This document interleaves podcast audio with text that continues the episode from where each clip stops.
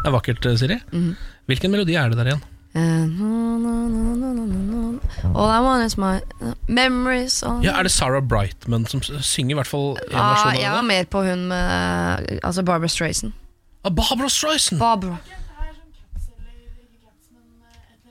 Hva sa du, Pernille? Jo, jeg tror det er en musikal, ja. Ja, vi driver og spiller podkast. Ja. Vil du være med? Det er bare Pernille som sitter bak her. Du kan godt være med på litt podkast, Pernille. Jeg tror det er Memories. Jeg tror det er uh, Barbara Strayson. Barbara Streisand, ja. Men er ikke den fra en, fra en musikal? Memories Hva skulle det vært? Ja, men jeg, jeg tror også det er det, skjønner du. Å ja. Jeg har ikke sett så mye musikaler. jeg. Ja, men Der kommer det. Å, det er vakkert, da. Hvis det er Sarah Brightman, så er det jo Phantom of the Opera. eller sånn, For da var hun jo gift med han der som har laga den musikalen. Ja, Hva heter denne musikalen? da? Står det der? Nei. Står det Men ikke? Memory heter låta. Det er Sarah Brightman som synger den. Ja. Åh, vet du hva, jeg hørte det var en uh, sommer Nei, det var kanskje ikke sommer engang. Samme det. Ja. Det var et, Jeg er jo ikke veldig Altså, jeg har ikke sånn vanvittig musikalsk kartotek i livet mitt. Nei. Jeg har hatt mange år av livet hvor jeg hørte stort sett på musikk uten vokal. Sånn Enja, filmmusikken til Fluenes herre, Danse med ulver osv. Ja. Enigma hørte jeg en del på, Ja. videre. Ja. Eh, men så begynte jeg å bevege meg mer og mer over mot musikk med vokal. Men før jeg kom meg over i den normale verden, så hadde jeg en sesong hvor jeg var innom, og da hadde jeg to CD-er. To CD-er only. Og jeg dro alene til Hawaii i eh, åtte uker. Hvor gammel var du? Eh, eh, 20 eller noe sånt. Fordi jeg Du skulle Du alene til Hawaii i åtte uker, ja. ja, Jeg liker ikke å reise på ferie alene, men jeg skulle jobbe eh, seks uker på, eh, på et forskningslaboratorie for eh, delfiner og oppførselen deres. Å, koselig. Det er det Ja. start? jeg. Så da, øh, min jobb var å sysselsette delfinene. Altså Jeg var PT fordi så jeg fikk de til å Det var SFO med delfinene. Ja, det er SFO for delfiner. Men øh, øh, jeg var også var en uke der jeg liksom skulle reise litt rundt, Fordi på slutten så skulle jeg møte typen min i San Francisco på vei hjem. Altså Han var ikke fra San Francisco, men vi skulle møtes Var der. du litt råere før, eller? Nei, nei, aldri vært rå. Men øh, da hadde jeg to CD-er med meg og en Discman. Og jeg leste Angelas Ashes, altså en bok og fra, mm, fra Dublin eller et eller annet. Veldig fin bok om en fattig familie. Uh, og så hørte jeg på disse to scenene. Den ene var uh, Jan Bang, altså perkusjonist, hva heter det, perkusjonsartist Ja. og produsent, som blant annet hadde Mother Nature's Clown and Shower Show. Husker dere den? Mother Nature's Clown and Shower Show. Husker Ja, dere den? Ja, ja, ja. Eh, Den scenen hørte jeg om og høres om mer igjen. som en jingle enn en låt. Ja, og Det var den eneste låta som var ordentlig låt på den scenen. For resten var mye sånn lyd og det var mer sånn kunstprosjekt. Og så hørte jeg på Sarah Brightman, for hun ga ut ett eh, album som var litt mer sånn popopera. Ja. Men hun sang sånn uh, Sole Mio-aktige sanger, men litt sånn opp-poppa, liksom. Så operabransjen var sånn Sarah Brightman er uh, skuffelse for bransjen, liksom, fordi hun liksom skulle poppe Ja. til klassikerne. da Litt sånn som da Bob Dylan begynte med elgitar. på en måte Antageligvis. Ja. Mm. Ja, så da lå jeg på Hawaii, på Surfers Beach. Hadde ikke en eneste venn, for de skulle bare surfe. Jeg var livredd, lå inne på sånn rom full av kakerlakker. Under hadde lakenet spent hardt over fjeset mens jeg hørte på, og jeg satt på CD til jeg sovna av skrekk. Og så våknet jeg hver gang CD-en var ferdig, måtte bare sette på på nytt. Det Ja. gøyeste øyeblikk, eller det jeg ser for meg her, da, for et av de gøyeste øyeblikkene jeg har hatt i 2018, og det sier kanskje mer om meg enn det gjør om eh, hvor gøy det var, men det er den videoen som ligger på Facebooken til Radio 1 hvor du synger og gråter av deg selv. Ja. Og jeg ser for meg Jeg ser for meg at uh, dette her er litt sånn Du ligger der med det lakenet i høyspenn, Mm. og så synger du til Sarah Brightman sin litt poppete opera mens du gråter. Ja. Og det er nydelig. Det var vondeste uka jeg har hatt i mitt liv. Jeg ringte hjem til kjæresten min og gråt og gråt og ville ikke være alene. Jeg blir jo ikke sendt med folk på sånne turer. Det skal Jeg være klar over. Jeg har, jeg har veldig store problemer med å bli sendt Aldri med folk. fått en ferievenn. Nei, Ferievenn? Det har jeg aldri fått. Alt dette starta altså med at du plystra på følgende melodi, Siri. Kan du gjøre det en gang til? Ja. Så vi fant ut at det er Sarah, Bri Sarah Brightman sin 'Memory' fra Cats. Fra Cats, ja. musikalen Cats. Men er ikke det også han Andrew Lloyd Webber som har laga musikken til? Som var Jo. gift med Sarah Brightman? i sin tid? Ja, ikke sant? It all vakkert, makes ass. sense. Ja, jeg har så mye dust kunnskap. Og det der er liksom. totalt idiotisk kunnskap. Det der og Gjemselunden, Kongsvinger stadion, Ja, kan du bare fjerne. Meningsløst. Få inn noe annet isteden. Enig. Eh, denne podkasten starter nå, og den inneholder masse gøy. Kose seg. Dette er morgen på Radio 1. God morgen, Siri. God morgen. Det er godt å se deg. I like måte. Da slipper jeg å være her aleine. Ja, Det er bare oss to. Ja, Vi skal hjem alene-fest i Ja, dag. vi er hjemme alene-fest i dag. Eh, Det er jo eh, sånn at Niklas eh, fortsatt driver og surrer rundt med en viss reality-innspilling. Mm.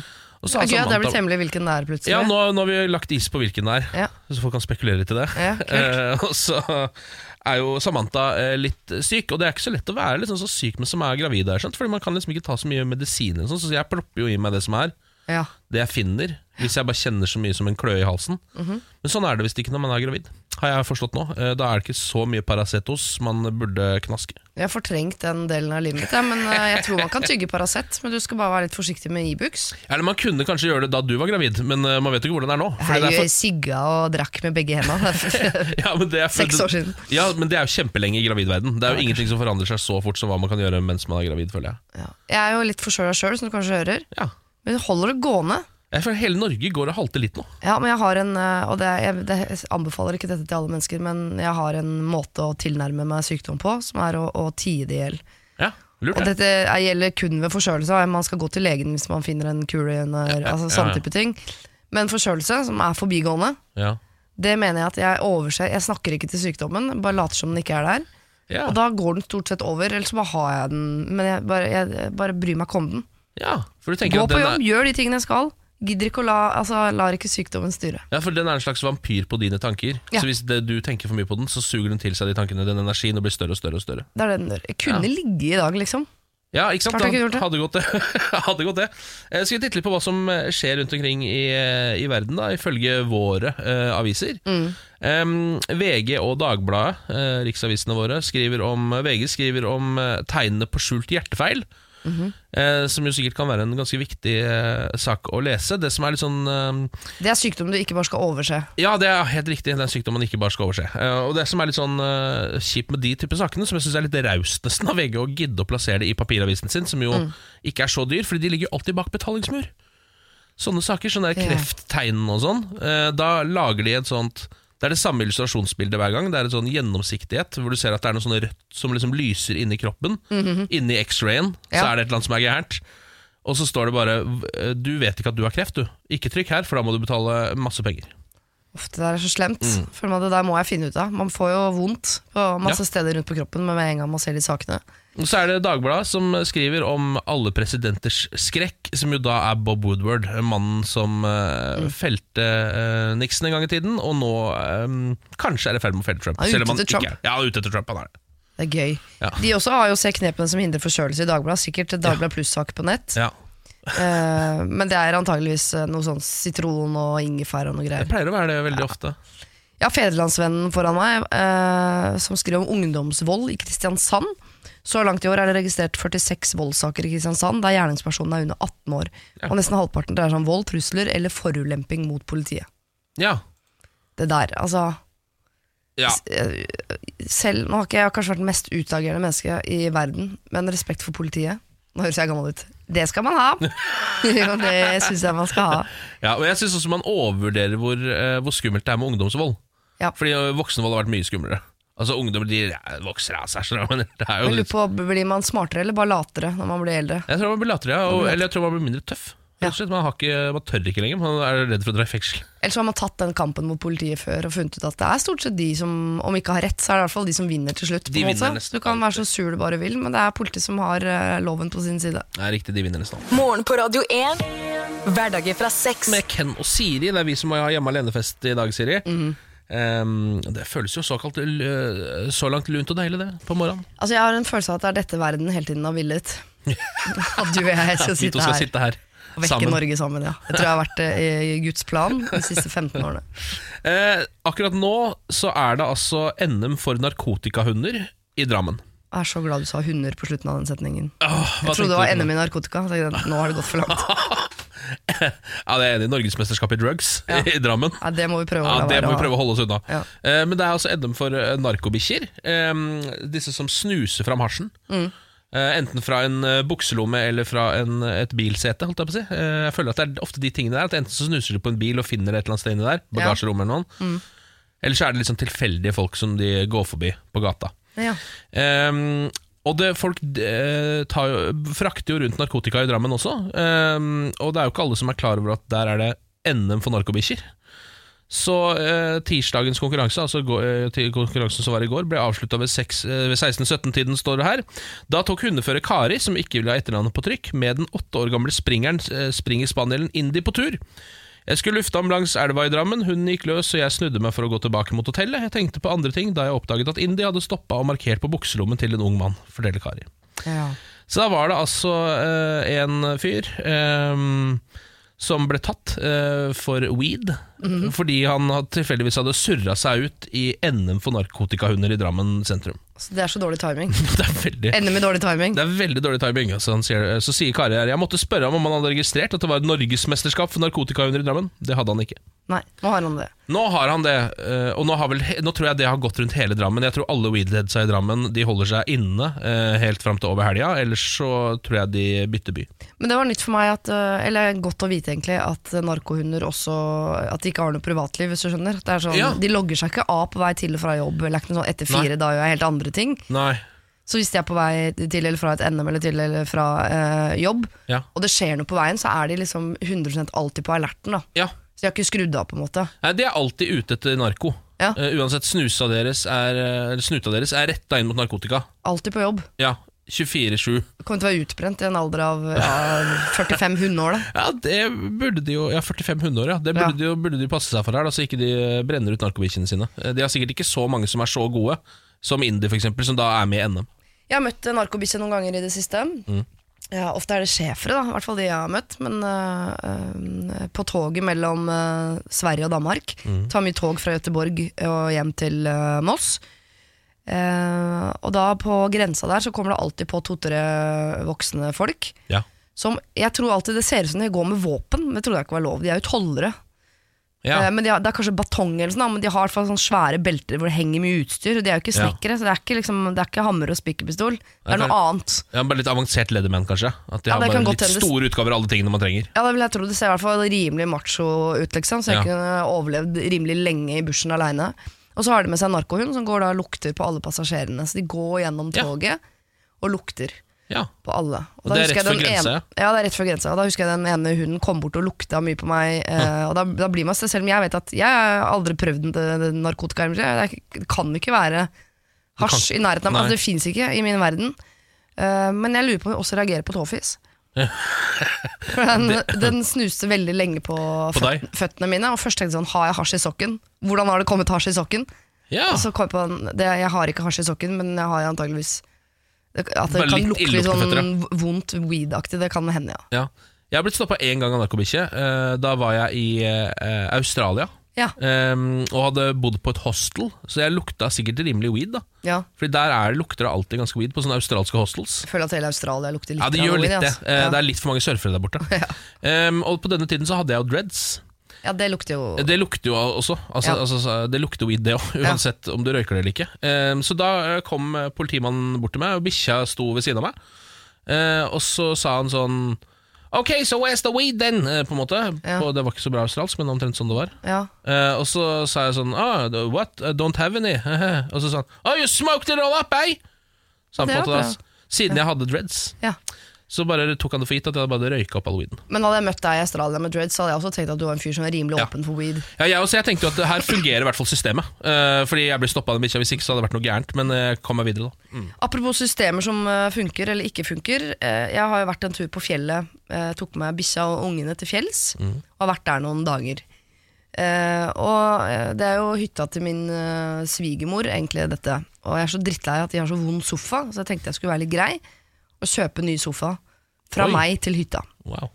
Eh, problemet er at man får ikke frakta med seg en hytte opp på en tømmerkoie opp på en seter eh, når man kjører vanlig bil som allerede er full av bikkjer og unger. Det går ikke.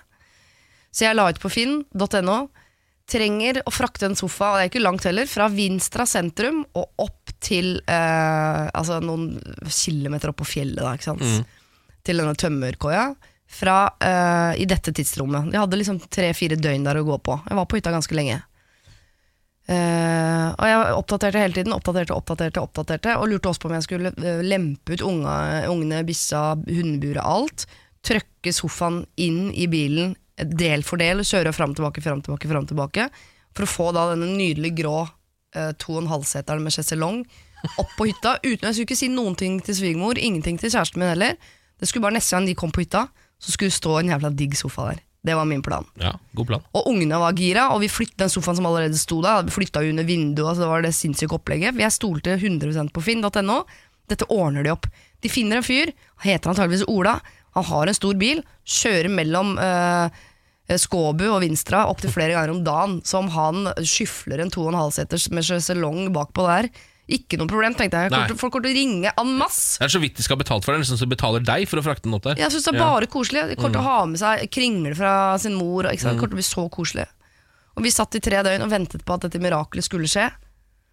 Og uh, når jeg kom hjem fra hytta, to og en halv time etter jeg kom inn døra hjemme i mitt eget hus, hvor jeg har sofa med sjeselong, uh, da får jeg mail fra Ola.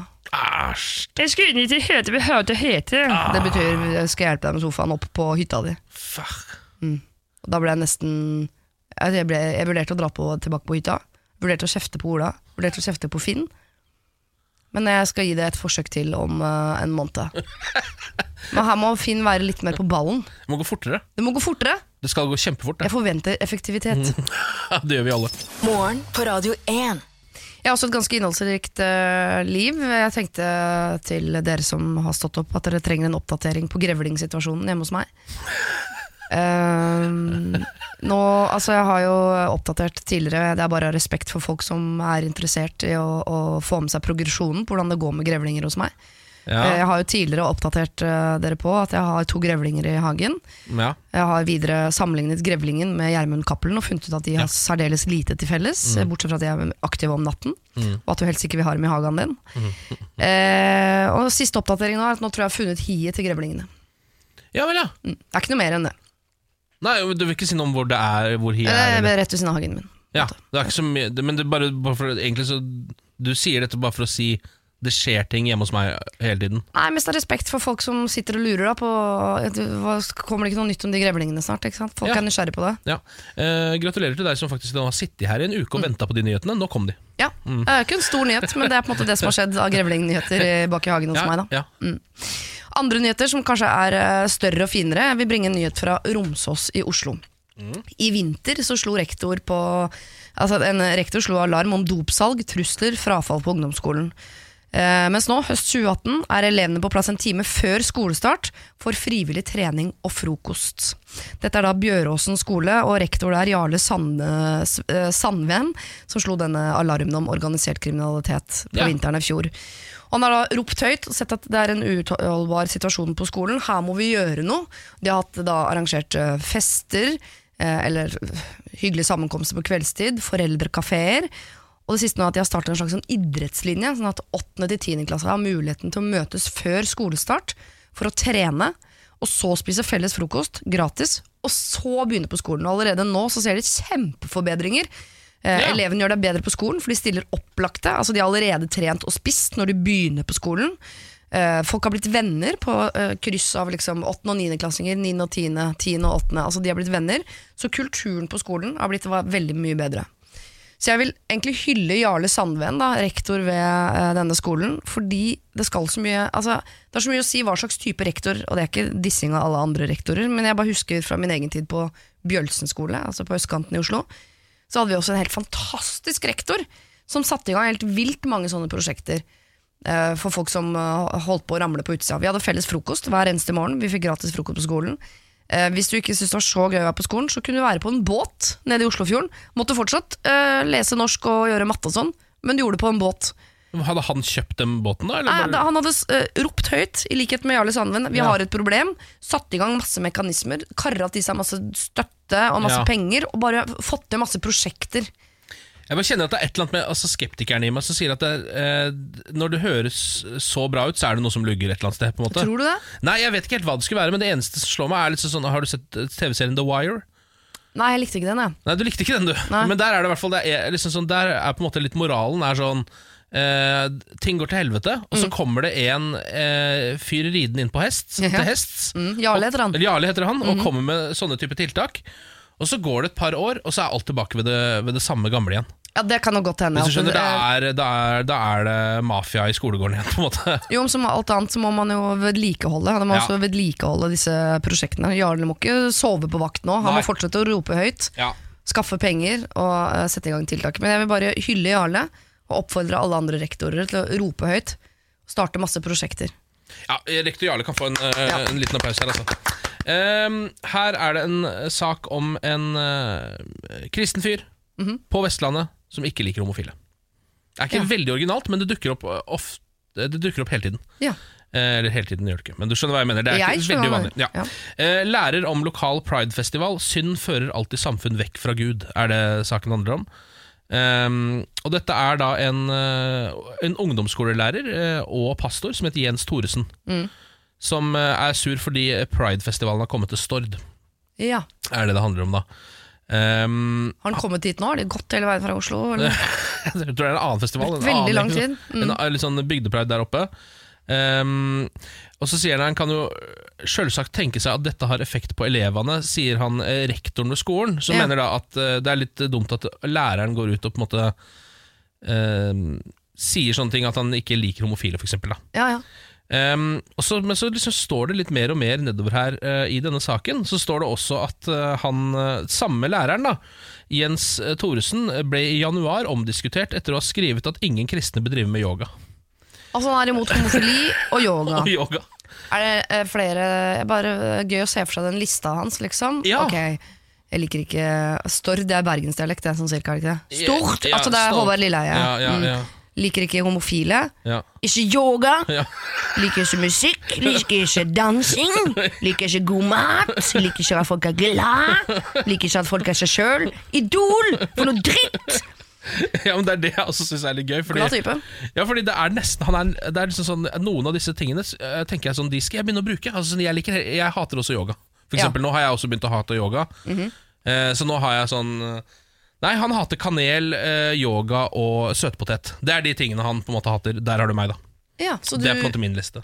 ja, det er din liste. Nå trodde jeg du Mm. skulle si at du hadde masse likhetstrekk med denne læreren. Det har du vel ikke? Nei, det har jeg ikke. Men jeg bare, når, når ting blir så out there, på en måte At det er sånn du tar, ja, nå liker, Jeg liker ikke homofile, og så liker jeg ikke yoga. Uh, og så når det begynner å bli så måte, uh, tilfeldig hva du, ikke- som havner oppi hatgryta di Linken mellom yoga og homofili er liksom ikke like åpenbar som eh, batikk og hasj. på en måte Nei, ikke det hele tatt. Altså, det er, yoga og homofili er det ikke noe link mellom. På en Nei, måte Det ene fører sjelden til det andre, Ja. uansett hvilken vei du ser på det. Ja, det er akkurat det. Batikk og hasj har jo en ganske klar uh, korrelering. Ja, Altså, det- absolutt. mm, ja, de, det er samme folka. Det er de samme folka, stort sett. Det er helt riktig. Dette er morgen på Radio 1. Du, Jeg leste en nyhetssak i går som jeg først ble litt godt humør av, og så ble jeg bitte litt lei meg etterpå.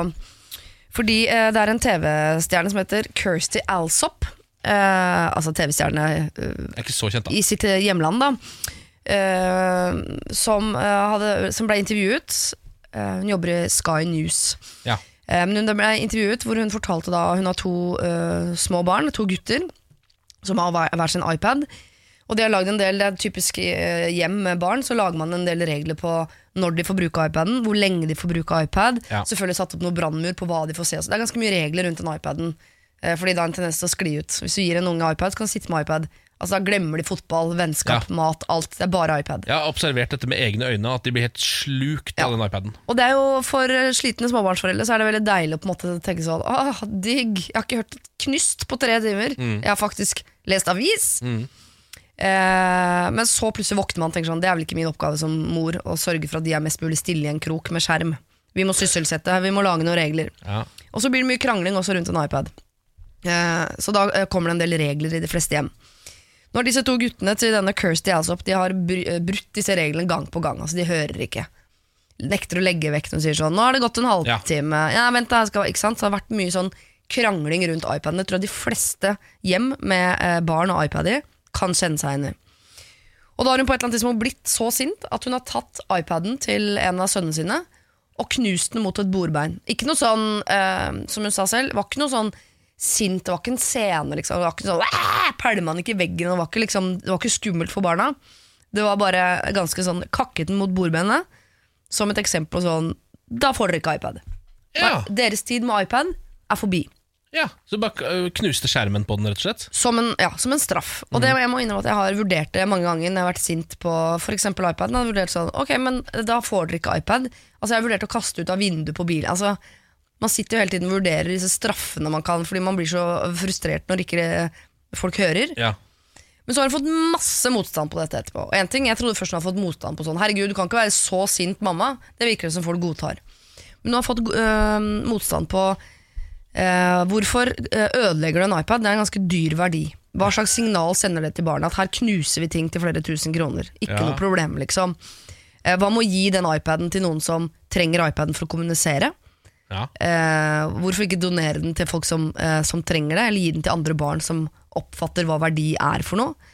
ja. Eh, har fått mye kritikk på Altså, det, Hun ødela ikke verdens siste iPad, det må vi jo bare si her. Det virker jo sånn nå at det, denne dama drepte iPad for all framtid, og nå får aldri noen bruke den lenger.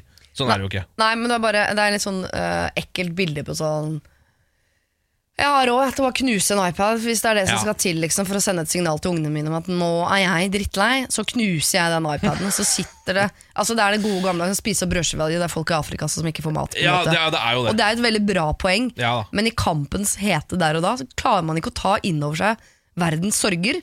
Eneste man vil løse opp i, er den lille krigen du har gående hjemme i stua di, og den vil du løse nå, og da gjør du det på denne måten. Og så, og så kommer det liksom etterpå. Stakkars, hun føler seg sikkert så dum. Hun har meldt seg av Twitter, orker ikke mer. Gått under jorda, hun nå. Hun angrer. Er det så ille? Ja. Folk må, folk må også roe seg litt grann ned. ja, Man føler seg ikke bra når verden sier fra sånn Hvorfor tenker ikke du på vanskeligstilte? Det er veldig vanskelig å komme godt ut av. Ja, Det er helt umulig å komme godt ut av, faktisk. Morgen på Radio 1. Hverdager fra 6. Um, nå skal vi snakke om et av de ehm, på en måte tristeste frieriene jeg noen gang har hørt om. Ehm, jeg driver og koser meg veldig mye hjemme om dagen med et nytt spill til PlayStation som heter Spiderman. Oh, ja. Som handler om at man er Spiderman og, og slenger seg rundt i New York eh, på edderkoppnettene sine og slåss med skurker. Så du er Spiderman, Jeg- liksom? ja. ja. Jeg er Spiderman, banker opp andre folk. Eh, driver og volter rundt over skylinen i New York. Eh, Et helt ekstremt fornøyelig spill. ja. Du Eh. banker bare opp skurker, ikke sant? Ja. Ja. ja, Du får ikke lov å banke opp menneskene. Det som skjer da, hvis du, For man prøver jo alltid. ikke sant? Og bare Ja. gå bort og ser Kan jeg slå den gamle dama med eh, barnevogna på siden her. Da gir man henne bare high five eller eh, lager sånn finger guns. Ja, ok. Man later som man skyter henne, men ikke får det til. Skjønner. Men det her er da en sak um, om en fyr som heter Tyler Schultz, som før dette spillet kom ut um, Som da han bare hørte om at de drev og utvikla det, så er han såpass stor Spiderman-fan at han um, spurte de som lagde spillet om ikke de kunne legge, legge inn et lite sånn, De kaller det for påskeegg i spill, easter egg, som er sånne ting som man finner som egentlig ikke har noe med spill å gjøre, men som bare er sånne små hemmelige beskjeder ja. Som ligger rundt omkring. Plutselig så finner man en plakat for eksempel, av Arnold Schwarzenegger eh, et eller annet sted fordi han har eh, gitt stemme til en karakter i filmen eller noe sånt, eller i spillet. eller noe sånt, ikke sant? ja. Kan det Eh, også produktplasseres ting der? At det er da reklame for en film som kommer, eller? Ja, det kan det også gjøres, Ja. gjøre. Det er, tror jeg ganske vanlige i Hollywood-filmer. Å bare snike inn veldig mye sånne små produktplasseringer. Men i spill så er det veldig ofte litt gøyere ting. Mm. Men han spurte da om de kunne slenge inn et sånt påskeegg i dette spillet, hvor det sto 'Madison, vil du gifte deg med meg?' Fordi han ville da gi eh, fri til sin samboer Madison. Ja. Um, og de som lagde spillet, Insomniac eh, som de heter, de syntes jo dette her var såpass romantisk eh, og likte at det kom fra en Spiderman-fan, så de slo til. Så utafor en av kinoene eh, i New York i spillet Spiderman, så står det da 'Maddie, will you marry me'? Har du Eh, sett det selv? Nei, det har jeg faktisk ikke sett. Jeg har ikke lett etter det heller. Eh, Det kommer jeg til å gjøre nå framover. Um, og det her er jo uh, egentlig altså sånn, Det er jo en solskinnshistorie, helt fram til det viste seg at uh, noen uker før spillet kom ut, så dumpa Madison uh, Tyler Schultz Nei. og ble sammen med broren hans. Broren, ja. Nei. Så nå eh, La oss håpe at broren har lyst til å gifte seg med Madison, da. ja, ja, så hun i hvert fall får det bra. Ja. Ja.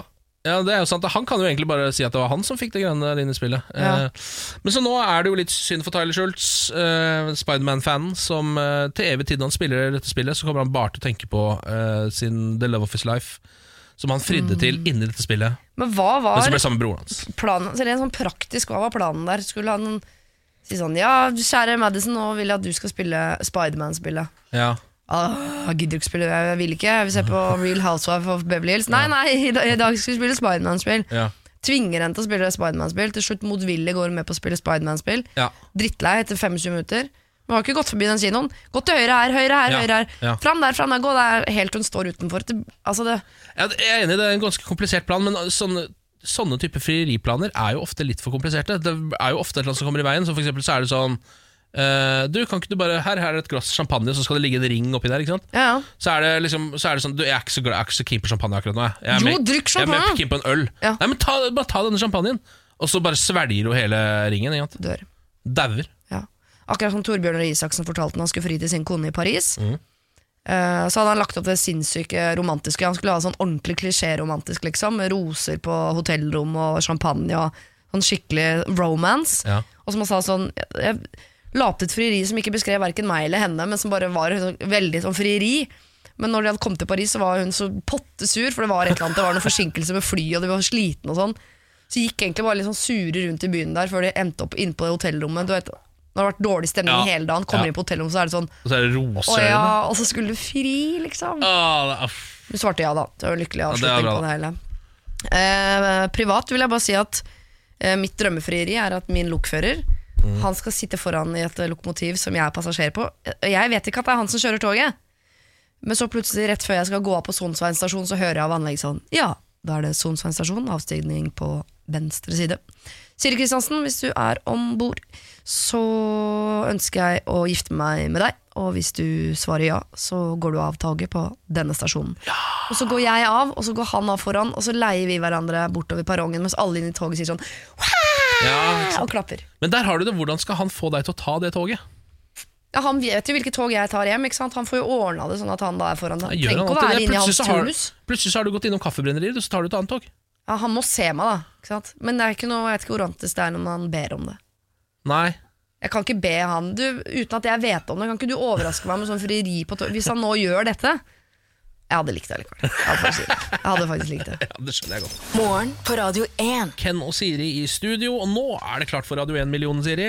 Ja, Er du gira? ja jeg er det. Alltid deilig og når folk kan vinne litt penger. Jeg er så gira, så jeg skulle tro at jeg sitter og kan vinne en million, men det er gøy å gi bort en million òg. Ja, det er det. Ja. Eh, Jeg syns nesten det føles like bra. Jeg. Ja. Nesten like bra. Ja. Eh, Det er jo mange som har sendt oss SMS eh, for å svare på kvalifiseringsspørsmålet for å kunne være med i dag. Spørsmålet var jo rimelig enkelt. da Hva står romertall eh, X for? Og det er jo ti. Ja. Mm. Eh, og en av de som har klart det, det er Marianne, som er med oss på telefon. Hallo, Marianne. Hallo. Ah, dette er spennende, hva? Radio 1 million, Radio 1 million. Eh, konsept- Veldig spennende.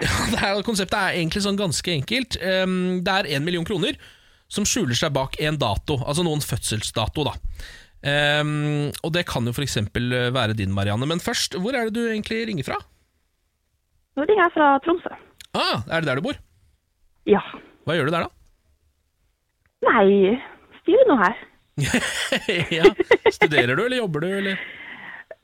Akkurat nå så uh, gjør jeg faktisk ingenting. Nei. Bare venter på en ny jobb. Så deilig, da. Jeg hører at du er fra Tromsø. Eller? Ja, det er det. Men hva er det du venter på for slags ny jobb? da? Nei, eh, jeg er blitt arbeidsledig, så da må jeg finne meg noe nytt å gjøre. Hva er det du vil bli når du blir stor? da? Å, du, vanskelig spørsmål. Nei, er det sant? Har du ingen Ja. drømmer om Er det ikke noe sånn som du har lyst til å bli? Nei, faktisk ikke. Ah. Men vil jeg si at du stikker av med en, eh, en liten million i dag. Hva, Nei, du, det hadde jo passet perfekt. ja, hva tenker du å bruke den på, da? Nei, betale betal ned billån. Ja, så Det er fornuftige ting. Det, er ikke, det blir ikke fuck you money. Du skal ikke ut på byen med disse penga og bruke de opp. Nei, nei, nei. Nei.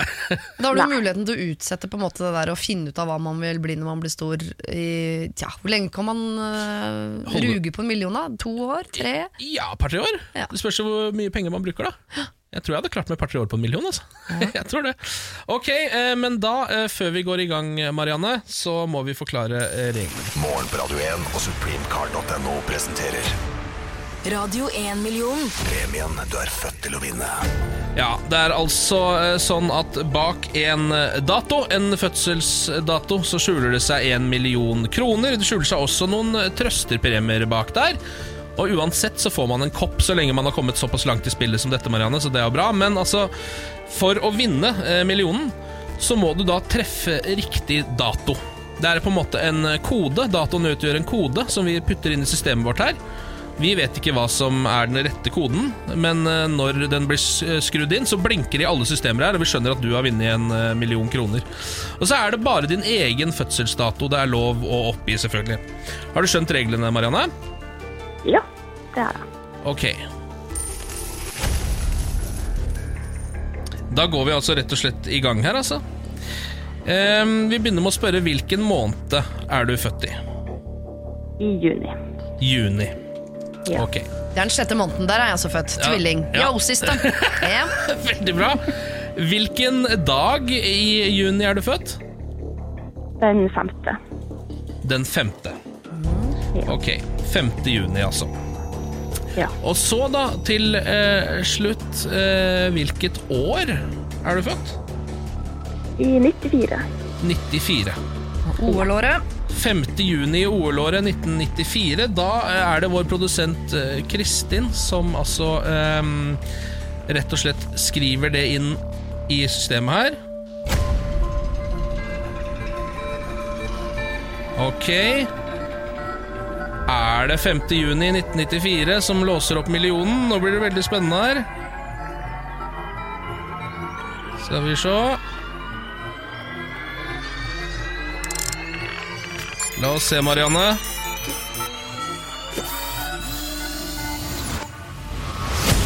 Nei, ikke en million, men Ja, nå skjer det noe greier her.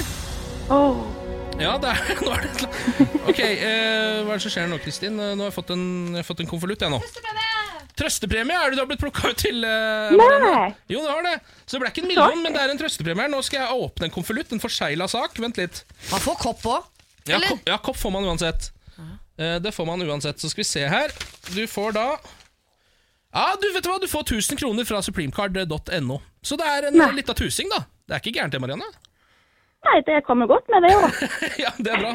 Så det ble ikke en million, men eh, en tusenlapp, den eh, føler jeg Da kan du bruke den på akkurat hva du vil. Er du ikke enig i det? Ja, det er sant. Da får du ha en eh, glimrende dag, og så, som vi pleier å si, ikke bruk alt på ett sted. Det er en sånn ting som jeg alltid pleier å si når folk får en lita 1000 kroner må være lov å bruke på ett sted. ja, vet du hva, vet du hva? Vi, vi snur på det. Bruk alt på ett sted, for, Ja. for skyld. Gjør det. Kos deg, Marianne. ja, kos deg. Tusen takk. Eh, Takk for at du var med, med, med på Radio 1 million. Ha det godt, da! Ha det. Morgen på Radio 1. Og nå har jaggu meg vår eh, hu- huspolitiker også, Henrik Asheim, kommet på besøk. God morgen, Henrik. God morgen, god morgen. Det er godt å se deg igjen. I like måte. Eh, Jeg tenkte at vi skulle snakke litt om valget i Sverige i dag. jeg. Eh, Høres ikke det fornuftig ut? Jo, det er jo kaos, men Ja, eh, ja, det er litt kaos der borte. Det var valg på søndag. ja. Ehm, og det ble egentlig ganske sånn dramatisk og jevnt, og så er det litt kaotisk. Så hvem vant dette valget, egentlig? Ingen. Nei. Alle tapte valget. Ja. Eh, og alle tapte valget fordi alle hadde plassert seg på forhånd før valgnatten på en sånn måte at ingen kunne vinne. Jaha. Eh, rett og slett fordi du har to blokker, de gamle blokkene, litt sånn som vi har i Norge, rød og blå. liksom. mm. Ingen av dem så ut til å få flertall. De hadde 40 begge to. Ja. Så har du et tredjeparti som har nesten 20, som ingen vil snakke med. Ja. Og da, det, Hvis ikke det hadde skjedd noe helt sykt med velgerne i løpet av et døgn, så skjønte alle at det var sånn det kom til å bli. Og så, så, Det er så flaut å se på sånn valgnatt, Fordi sånn er vi politikere. da Du kan tape valget så du synger, og så er det liksom Det er ballonger og applaus og hurra, og Ja. alle, alle har vunnet. da Ja. Når alle har tapt, så sier alle at de har vunnet. ja. Du syns også det er litt rart, ja? Jeg trodde dere syntes det var helt naturlig. Vi sitter jo, dette syns jo alle andre er helt idiotisk uh, hvert, hvert, hvert eneste valg. Ja. Ja. Men de føler vel at de har vunnet. Da- blir man bare usikker på hvem motstanderen er. Hvis du sitter og føler at du har vunnet. Over hvem, lurer jeg på da. Ja, Ja. Ja, hvem for- mener du tapte? Ja. Ja. For ballongene og korkene skal jo uansett i taket, på en måte. Ja, ja. altså Jeg har vært med bare selv å tape valg, og det er ganske flaut. Altså, fordi det blir en sånn TV-rigg av det, hvor man skal liksom klappe og Ja. juble. Og det er sånn, det er ikke noe å juble for. Nei. Du Men hva gjør man si nå det. da? Er det, altså, I fotball har man uh, sudden death, eksempel. ja. Hva gjør man i politikken? Altså, Liksom? nå er det jo straffekonk. Ja. Rett og slett, fordi nå er det jo sånn at det er egentlig den ene blokken har én stemme Og det igjen er helt teit, da. Fordi ja, vi har én stemme, ett mandat mer enn den andre blokken. Ja, men ingen av dere har flertall. Nei. Det er jo egentlig litt uinteressant. Men Ja. ok, de mener det er kjempeviktig. Og så skal de nå telle 300 000 forhåndsstemmer som de ikke har telt. Nei. Jeg skjønner ikke hva Sverige jeg, jeg skjønner ikke hva de driver med. Kan de ikke avvikle valget i Sverige, eller? Det, Tydeligvis ikke. Fordi Det har jo vært så mye rør med Det har jo allerede blitt gjort et par ganske grove feil også, som gjør at mandater har blitt flytta fram og tilbake. Ja, og for, eksempel, for de har jo lokalvalg og stortingsvalg eller riksdagsvalg da, samtidig. Ja. Så det var et- noen fylker som hadde meldt inn fylkestingsvalget sitt som stortingsvalg. Og så bare Herregud. Nei, fader, det var jo selvfølgelig feil, ja. Og så Men er det store variasjoner? Er det mange som eh, Nei, altså på dette valget stemmer jeg dette partiet, men jeg stemmer noe annet. Er det folk som er sånn kommunevalget, da stemmer jeg eh, rødt? Ja, det er litt sånn, faktisk. Ja, Er det er litt, rart. Da. Men uh, sånn er det litt i Norge òg, faktisk. Det, er velgere som bytter, det er mange velgere som bytter mellom Frp og Senterpartiet. Stortingsvalg og kommunevalg. Ja. Men altså, det er jo Sverigedemokraterna som på en måte eh, ikke, Det er ikke de som skaper valgkaoset, men det er jo de som gjør at dette blir litt, litt sånn ekstra kronglete valg i Sverige. Ja, og det bisarre nå, da altså klart Sverigedemokraterna er jo et høyrepopulistisk smart parti, strategisk smart parti. Så han virker jo som den voksne i rommet, på en måte. For han sier sånn Jeg krever ikke å sitte i regjering eller noen ting, jeg. Ja, Jeg vil bare at noen skal snakke med meg. ja Jimmy Åkesson, ja. Ja, Jimmy Ja. Åkesson. Bare, gi meg, ikke sant? bare vis meg som regjering at dere tar oss på alvor. Mm. Og så sier han sånn Nei, det vil jeg ikke. Nei. og da er det helt låst, da. Men Ja. er det helt utenkelig at de går i dialog med Sverigedemokraterna? Er det, altså det, det er av bordet, liksom? Altså Problemet er at alle har lovet det så høyt Ja. at enten så må noen bryte Altså alle, Noen må bryte et helt essensielt valgløfte for å få det til å gå. Ja. Enten så må de snakke med Sverigedemokraterna, eller så må noen av de borgerlige partiene gå til venstresiden, eller noen av de rød-grønne til høyresiden. ja. Og alle har lovet alt. Det har de lovet at de ikke skal gjøre. Så alle alternativer er på en måte altså Det, er- det fins ikke noen alternativer her? Alt er helt sånn fastlåst ja, eh, tilsynelatende, da. Ja, altså Hvis ikke politikerne kommer seg ut av sånn strategitenking som bare er logisk inni et parti, Ja. og ikke for velgerne, Ja. så er Sverige uregjerlig. Altså Da er det umulig Ja. å styre Sverige. Ja. Eh, faktisk, fordi da kommer det til, altså, kommer det til å være regjeringsskifter hvert år. Må Carl Gustav inn på banen da, eller en, Ja, men han har de stoler ikke så mye på i Sverige. Nei, Så de har ja. tatt fra han den eh, Det er ikke han som gjør det lenger, nå er det stortingspresidenten som gjør dette her. Oh, ja. Så Knugen får ikke lov å Nei. fikle med valget lenger? Altså I Norge så er det sånn hvis Erna må gå, da så Ja. er det jo kongen som sier sånn Hei, Jonas, Ja. du må lage regjering. Ja. Men i Sverige så er det ikke kongen. Å ja, de har Nei, men det, det, men helt det bort. kan Det er- bli rot òg. Det er svinebundet, liksom. Ja. Men du var jo ute eh, Du stikker jo nakken din fram innimellom i media, Henrik. Og nå var du ute og snakka med NRK eh, om at alliansen, som jo da er den borgerlige siden, eh, må snakke med Sverigedemokraterna. Ja. Um, og da men, øh, Altså det bet, Jeg bare syns det var en, en fin uttalelse, men også litt rart, Fordi det betyr vel at Sverigedemokraterna da sannsynligvis får makt? Ja. Er det noe du vil? Nei, nei, det vil jeg nei, altså, Og det er viktig altså, Jeg ble jo beskyldt for å være nazist på Twitter etterpå. Ikke sant? eh, og det vil jeg avkrefte. Ja, det kan, Eh, det, det kan bli avkreftet. Men, eh, men nei, og jeg mener ikke, ikke sant? Altså, Sverigedemokraterna er et parti som vi ikke har i Norge, rett og slett. Det er mange som sammenligner med Frp, men de er veldig forskjellige. For det er liksom, De vil samarbeide med Russland og ikke Nato. De vil melde Sverige ut av EU eh, og stoppe all innvandring og sånn. Ja. Men de har 17,5 oppslutning. Eh, De vokser og vokser og vokser, på tross av alt dette. Og Det er ikke sånn at ikke man liksom, altså, det er ikke et parti som man sier sånn, vi vil ikke sitte i regjering med dem. De blir ikke invitert på Nobelmiddagen. Ikke sant? Nei. Det er, altså, det er sånn de holder på. Det er barnslige Eh, tilstander. Ja, er det er kjempebarnslig. Ja. Den svenske kirken har gudstjeneste for Riksdagen, og da inviterer de ikke Sverigedemokratenes riksdagsmedlemmer, som er valgt av det svenske folk, inn i Riksdagen. Og dermed okay. ha en rett til å være der ute uansett, egentlig. Altså Spørsmålet er da, tror du Sverige da blir en trykkoker? Ikke sant? Fordi Mm. veldig mange av disse menneskene stemmer jo på det partiet rett og slett pga. innvandring. Mm. De mener at det er altfor mange innvandrere, det er, integrering fungerer ikke. Og da er spørsmålet, Skal du liksom plukke opp en telefon da? Skal du adressere de, den én millionen med svensker som har stemt på dem? Eller skal du bare late som de ikke fins? Ja. Og det er det de gjør nå, og det betyr Og så fortsetter de sånn, nettopp fordi jeg liker jo ikke Sverigedemokraterna. Men ved neste valg så kan de få 25 For hadde jeg stemt Sverigedemokraterna og hele mitt land bare overså meg, Ja. og de som var enige med meg, Ja, da hadde jeg jo blitt ordentlig hardnakka Sverigedemokrat. er Ved neste valg. Ja. Da hadde jeg begynt å misjonere. Altså, da hadde jeg gått inn i politikk, blitt politiker antageligvis. Da. Ja, Begynte å komme pinn og Ja, ja, ja. Det er jo ingenting som gjør deg mer engasjert enn å ha ja. ryggen mot veggen. Og Nei, ingen ikke. ser deg at du er alene mot verden. Det er jo en følelse som eh, Ja. Ja, og jeg tror mange av de som stemmer på sånne partier, har den følelsen fra før. Ja. Og det bare bekrefter inntrykket av at liksom det etablerte eller makteliten da bare ignorerer meg, vil ikke høre på noen ting. ja. Eh, Jeg tror det var Harald Eia som sa på radio et sted at eh, svensk valgkamp er to politikere som snakker om arbeidsledighet mens det står en bil og brenner i bakgrunnen. Og det er ingen som snakker om den bilen. Ja. Eh, og så er det et parti som gjør det, og så har de, mener jeg, gale løsninger på det. Men poenget er at vi må adressere dette. Vi må snakke med hverandre i norsk og svensk politikk. Altså, det er egentlig det du mener med den uttalelsen, er ikke at du vil at Sverigedemokraterna skal ha makt, men at eh, det er et politisk prinsipp om at man ikke bare kan overse et helt parti som får såpass mye stemmer. Ja. Ja, Et spørsmål som jeg lurer på, eh, og det lurer jeg på i forbindelse med svenskevalget, men også egentlig norske, eh, hvordan vi stemmer her. Som jeg aldri, det er litt flaut at jeg aldri har skjønt dette, til tross for at jeg er 40 år gammel. Eh, Så bear with me, men jeg bare håper at det er flere der ute som ikke har skjønt det. Nå skal jeg himle med øynene. Nei, vær så snill, ikke gjør det, vær så snill, ikke gjør det. Jo, fordi eh, Om ikke de får sitte i regjering, så har de jo uansett fått så og så mange inn på Altså man har, De har jo fått representanter inn på eh, Stortinget, som jeg velger å kalle det. Mm. Så en eller annen makt har de vel uansett. Jeg skjønner ikke hvordan den makten forandrer seg om man sitter i regjering eller ikke, fordi folka de er jo der. Ja. Ja, det Skjønner du spørsmålet? Ja, jeg skjønner spørsmålet, men det som er forskjellen på norsk og svensk politikk, Ja. det er at vi i Stortinget i Norge Vi må få flertall i Stortinget for et budsjett. Altså. Flertallet må stemme for budsjettet. Det er derfor vi holder på med KrF hele tiden for å få flertall. Men da er vel alle med å stemme? Alle stemmer da. Ja. Forskjellen er at i Sverige så holder det bare at budsjettet ditt, som er jo er det viktigste styringsverktøyet, får flest stemmer. ja. Eh, og det betyr at hvis, med mindre da de borgerlige sier vi og Sverigedemokraterna stemmer sammen, så får jo de rød-grønnes budsjett flest stemmer. Ja. De får ikke flertall, men de får flere stemmer enn de borgerlige fordi de får ett mandat mer enn de borgerlige. Og det Ja. betyr at da sitter man og styrer Sverige.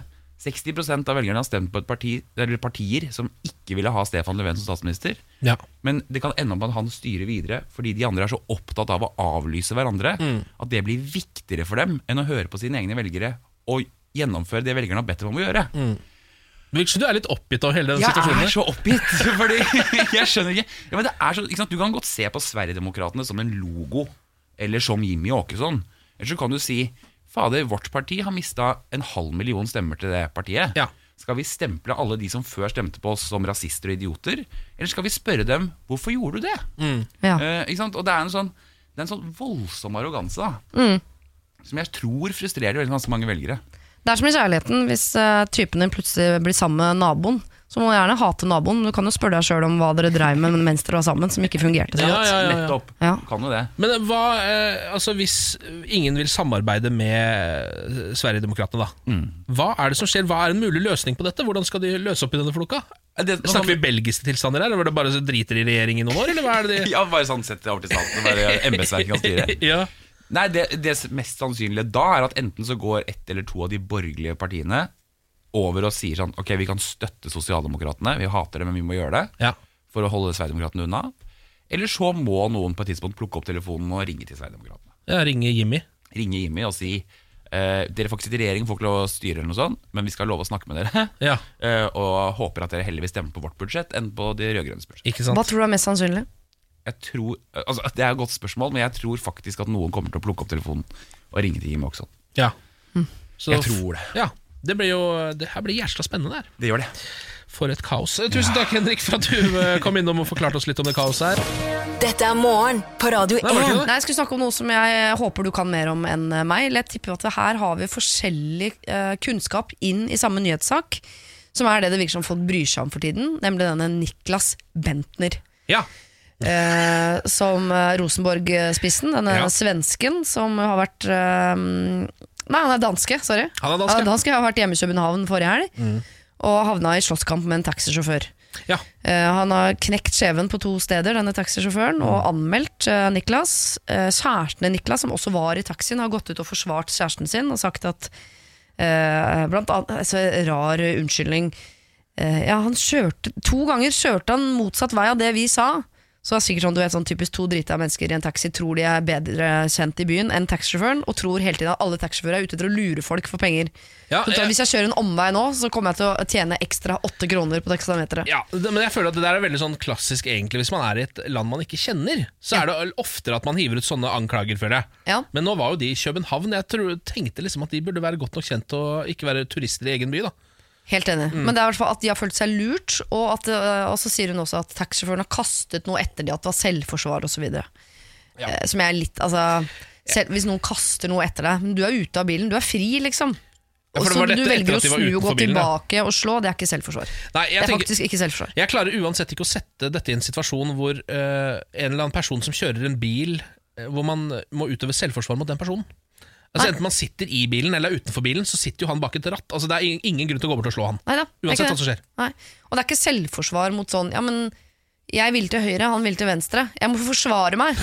altså, Jeg må forsvare denne meningen med vold. Ja, nei, det er ikke selvforsvar. nei, nei. Men jeg, jeg kan ikke nok om den saken. Det jeg bare tenkte Du vet sikkert mye om det som fotballinteressert. Ja. Jeg har jo da ti år på baken uh, som Altså jeg har jobbet i Oslo Taxi, som er jo da tilsvarende her i uh, Oslo. Du er taxiekspert. Jeg er taxiekspert, og hver gang, altså det var jo da, hver gang jeg var på vakt, så var det jo folk som var veldig sure på et eller annet eh, Måten ting ble, de ble behandlet på, at taxien kom for tidlig eller for seint, eller kjørte feil, eller alltid, ikke sant. At alle var sure på Oslo Taxi bestandig. Og da var det så deilig, både på jobb, men også privat, å kunne ha så mye kunnskap om hvordan ting fungerer i taxibransjen. At man alltid kunne være uenig med røkla. For alltid sånn røkla sånn Taxi, faen, hater taxi!» Jeg hater taxi, de er så dumme! De kjører alltid feil. Og er sånn nå skal være klar over at For å bli taxisjåfør i Oslo Så må du ha gått et uh, bekjentmanns uh, altså, vi- er hun er hun irriterende Ja. rundt bordet som sitter og alltid liksom er på taxi? Akkurat som jeg er på NSB sitt parti bestandig nå, fordi mannen min jobber i NSB. Ja. Så når folk er sure på NSB, så er jeg på deres parti hver gang. Sier sånn, ja, det der er jo mer Jernbaneverket du er irritert på der, er det ikke det? da? Er du også den som alltid er for NRK? Nei, NRK er faktisk ganske Nei, den tid er forbi. Ja. Men uh, er det på NSB, og har vært det for taxinæringen, så når jeg leser om denne Bentner-saken nå, så merker jeg at det, det har dukla opp en sånn god, gammeldags eh, profesjonell taxileverandør i meg. Mm. Så jeg får veldig lyst til å gå ut og forsvare taxiselskapet. Ja. Ja vel, så han tok til høyre når du mente han skulle ta til venstre? Det kan vel hende at han visste om et veiarbeid da, som gjør at det var dumt å ta til venstre? Ja. Har du kjørt bil i København by noen gang? Ja. Det er veiarbeid overalt. Det er enveiskjørt overalt. Så kanskje det var lurt å ta til høyre? ja. Og dessuten så tjener han fint lite på å ta til høyre istedenfor venstre. For ut fra de pengene som står på taksameteret, så får han en prosent av det. Det meste går tilbake til taxiselskapet Ja. eller taxieieren. Så hvis han kjører en omvei som utgjør 100 kroner totalt Pluss at start, starttaksten ja, er jo det beste, så man prøver jo å komme seg fortest mulig til neste kjøretur. ja, det der. Altså, jeg, jeg får lyst til Jeg kjenner ikke Bentner, men jeg, jeg merker at jeg eh, kategorisk steller meg på taxiselskapets side. Jeg er også på den siden. Ja. Yrkesskade. Eh, nå skal vi eh, lese fra Sydvesten, Mm. som er en avis vi leser fra hver dag denne uka i spaltene Morgen på Radio 1 Aviser av Norge. Hvor er Sydvesten fra? Det er Fyllingsdalen, altså bergensområdet. Ja. Så det er en bydelsavis for Fyllingsdalen. Eh, vi har lest saker som 'Bli med til den absolutte bunnen av femtedivisjon'. Eh, hvor keeperen eh, stakk midtveis i kampen for å hente kjerringa, som det Ja. heter. Så han kunne ikke være med på hele kampen. Nei, men Eh, og så har vi også vært innom en, eh, en kjempelang kronikk om sokker som blir borte i eh, vaskemaskinen. Ja, det hørte jeg. Mm, Det var ikke dum, den. Nei, ikke? Nå har det tydeligvis vært eh, kjendisbesøk i området, for her er saken Da William kom til Sandgotna. Skjedde dette? spør to fortumlede venninner hverandre i skolegården. De har nettopp tatt selfie med Thomas Hayes. Og er han, William. Jeg trodde Ja. det var prinsen. jeg. Nei, for da hadde vi jo snakka. Ja. Eh, og ja, dette er virkeligheten, ingen drøm. Det er Thomas Hayes som har tatt turen til Sandgotna skole. Eller William, som flesteparten av elevene kaller ham. Inntil for et par år siden var det vanskelig å forestille seg at en 21 år gammel norsk skuespiller kunne skape slik begeistring på en ungdomsskole. Så kom NRK-serien Skam og snudde opp ned på alle våre forestillinger om norsk drama. Um, og så står det her Til hvining og hyling kommer han slentrende inn i den klamme, tettpakkede gymsalen på Sandgotna. Har skrevet en roman, eller Ja, det- avisen her? er veldig beskrivende, i hvert fall. Ja. Heis putter en finger rolig i været og tar mottagelsen med full ro. Er ganske deilig Han putter en finger i været, sier du? Ja, han Altså, sånn en, som når man har scoret mål Det er enkelte fotballspillere har scora mål, så Ja. gjør de det. ja, han feirer på en måte sin egen eksistens uh, ved å putte en finger i været, og tar det med knusende ro. Ja. Altså, det er, det er vel ikke en hemmelighet at eh, når man opplever helt sånn voldsom suksess på kort Altså når det plutselig livet ditt tar av, liksom, Ja. er det vanskelig å bevare bakkekontakten. Ja. Det har jeg all forståelse for. Jeg husker det med Kurt Nilsen. Hadde masse forståelse for at han mista bakkekontakten en periode der. Men Hays må ned igjen. Altså. Nå må Hays uh, ta så gripe fatt i en kampestein og holde fast, komme seg ned på jorda. Kan ikke komme inn med en finger i været. Og bare feire sin egen eksistens, men allikevel ta det med knusende ro. Ja, nei. Vet du, det, det er uh, Ja, vet du hva, Jeg tror jeg blir med på den kampanjen. Heis må ned. Heis må ned på Bare et ja. par hakk ned, bare. ja. Bare få litt bakke, altså touch tåa borti eh, moder jord, liksom. Morgen på Radio 1. Hverdager fra sex. Og Siri, nå pleier vi jo vanligvis på denne tiden av eh, dagen å ha Lars Berrums morgenquiz. Ja. Eh, Da kommer jo den høye slampen fra Bærum, Lars Berrum, inn her eh, og stiller tre spørsmål til bordet, som vi skal prøve å svare på. Eh, Nå er jo ikke han her i dag. Nei. men det er vi. Ja. Så Derfor så tenkte jeg eh, kanskje jeg heller skal holde Ken Vasenius Nilsens morgenquiz for deg. På meg. Ja. Så du er da et lag alene i dag? Det er dårlig gjort. Ja, Kanskje litt, men altså, er du, jeg ser på deg som rimelig kunnskapsrik. Ja, men det er det, Av en eller annen grunn så er det mange som gjør det, men det er feil. Er det feil, det? Ja, jeg er, eh, jeg er ikke så Jeg er ganske smart. Jeg forstår eh, ting med sånn uh, mønstre og systemer og sånn. Men kunnskapsbanken min, den er skranten, ass. Så det er litt dårlig husk, men egentlig god forståelse, er det det du Og lav interesse. Ja, Men, men passe intelligens, da.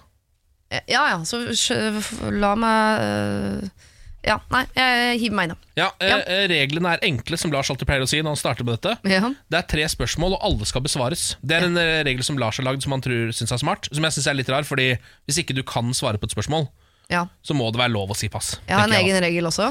Da. Ja, ja, det ja. Vil du høre? Ja. Jeg svarer ikke på geografispørsmål. Ja, men da skal vi hoppe over det i dag, for det er, jeg har eh, ett her, men da kan vi ta noe annet isteden. Ja, det ville jeg gjort. Ja. Eh, og så er det jo en regel til. Ja. Det er at du trenger et lagnavn. Oh, Nei, nå må du si noe. Man Må det ha noe med quiz å gjøre, eller kan man være et generelt ordspill? Ja. Ja, Da har jeg et ordspill til deg. Mm. Um, Radio 1, Avicii deg i Norge.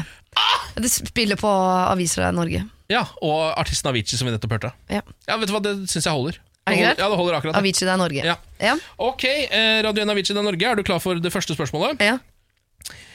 I hvilken by ligger Gjemselund stadion? Det er eh, geografi, men det er Kongsvinger. For jeg har sett Gjemselund gråter, og Gjemselund eh, jubler igjen. Som er nydelige dokumentarer laget av Levi Henriksen, forfatter fra, Fra området. Ja. Ja, ok, Så det var svaret avgitt. Kongsvinger. Ja. Kongsvinger, det, ja. Da skal du få hoppe over det neste geografispørsmålet. ja, nå ble Skal, det skal du heller Ja, vil du ha det? Nei takk. Ikke ha det. Da skal du få et fargerelatert et. Ja. Hvilke to farger må du blande for å få magenta? Som jo egentlig ikke er en farge, men mer sånn lystone mellom to farger. Da. Så hvilke, hva er de to fargene? For magenta, er det lillaaktig? Er det rødt og blått, eller? Ja, Det er sånn lilleaktig farge. Ja, er det rødt og blått? Ja? ja. Mm. ja, Det er endelig svar. ja. Også, Du ser på meg, du er så tom i blikket. Jeg prøver å lure Jeg prøver å lure Jeg- meg jeg- med jeg- jeg- fjeset her. Altså, Jeg jeg- prøver i hvert fall ikke å gi bort noe, da, så har jeg litt Ja, rart Det gjør du ikke, for det er deadpan-face der borte. Jeg har et ok pokerfjes. Ja, ok. Ok, Siste spørsmål, er du klar? Ja. Er sportsrelatert. Å, herregud, jeg vil heller ha geografi. Ok, Nei, gi det til meg, da. I hvilken idrett har Helene Olafsen tatt VM-medaljer? Ok, Snowboard, da? Er det endelig svar? Eh, nei, få se på fjeset ditt. Nei, nå smiler du jo. Hva betyr det da? Hun lå i sånn rumpehullsmunn. Der, ja. Helene Olafsen. Jeg, vet ikke, er X Games er jo ikke en sport, liksom. Må jo si, jeg vet at hun driver med eh, snøbrett og ski. Jeg tror hun drev med alt, liksom. Alle. Jeg sier snøbrett, ja. Ja. Ok, da tar vi svarene. Men det, hvis det er en eller annen gren innenfor snøbrett, så blir det at det er slopestyle. Ja, excuse me da, for at jeg ikke visste akkurat grenen. Jeg går for uh, Trenger overskriftsgrenen. trenger ikke å prehisse deg opp nå. Nei, jo, nei, si det. Hvis du svarer sånn Å ja, uh, flipside snowboard-shit, det orker jeg ikke. Svaret er ikke flipside snowboard shit. Nei, det er bra. Ok, eh, Spørsmål én så var det altså eh, I hvilken by ligger Gjemselund stadion? Ja. Som du påpekte var geografi, som du ikke var så god på. Du svarte Kongsvinger, Ja. og det er jo helt riktig. Er, selvfølgelig det er ganske bra. Det, det er ganske bra. Ja, For å være en person som ikke er fotballinteressert, Ja. uh, på 90-tallet, vil jeg si, så er det veldig bra. Men den, uh, det er fordi jeg så de dokumentarene. Jeg kjøpte de på DVD og så de om igjen. Det er utrolig fine dokumentarer om, om Kiel, da, altså fotballaget til Kongsvinger. Om hvordan de bl.a. blant annet ved hjelp av språket sitt klarte å snu eh, tap til seier. Hvordan gjorde du det? Husker, hva, hva, det skjønner jeg, bare skjønte ikke helt hva Ja, De fjerna en del sånn krigsspråk. eh, Å, ja, sånn, ja. så Det var rent sånn kommunikativt fra han eh, Hva heter han treneren da som brakte de opp i førstedivisjon før de ramla ned igjen? ah, Nå husker jeg ikke. Ah, bra type, ass. Han var veldig opptatt av språk og kommunikasjon. Ah, men Det er kult, så Han tok ut alle liksom sånn, de mest brutale krigslignelsene på en måte og Ja. gjorde det om til andre ord. Ja. Ja. Ok, Og så uh, var det jo uh, hvilke to farger må du blande for å få magenta. Ja. Denne eh, fargetonen som ligger mellom blå og rød, Ja. som var det du svarte. Ja, bra. Så det er helt riktig, nå er det to av to. Ja. Magenta, ja, for at det er hun ene i X-Men, vet du. Hun heter Magenta. Ja, men gjør det. Ja, lilla stripe i håret, vet Ja, du. og, hun, det er, og det er jo en lilla farge, en purpurfarge, da. Ja, ja. kan man si. Jeg veit jo hvordan man blander lilla, jeg er jente. Ja, ikke sant, det ser du. Eh, og så har man det siste spørsmålet. I hvilken idrett har Helene Olafsen, som jo nå er eh, programleder for Senkveld, er det vel? Eh, Ja, ja. sammen Stian Kickass slopestyle eh, Jeg vet hva, Det er snowboard, det. Er det snowboard? det du svarte. Ja, Fytti rakkeren, der ser du. du. Hvorfor skal du ha folk på laget ditt? Det Jeg tar en uh, Bentner for den. Nei, det var, det, var uh, Thomas Hace. Thomas Hayes. Stikker en finger i lufta. Én finger i været, helt avmålt. Det er en Thomas Ace. Det er også å gjøre. Altså. Ok, men Veldig veldig bra jobba, Siri. Ja. Du var flink. Herregud, jeg klarer meg best på egen hånd. jeg. Ja, det ser, det jeg tror Hvis du hadde hatt folk på laget, så hadde det bare endt opp med at du hadde, de hadde sagt slopestyle, for eksempel, så hadde du måttet krangle med de, Ja, ja. og så hadde du endt opp med færre poeng. Ja. Det er ofte sånn det uh, blir. Morgen på Radio 1. Nå har jeg snubla over et intervju med uh, Rikke fra Ex on the Beach Ja, på uh, Dagbladet.no. ja.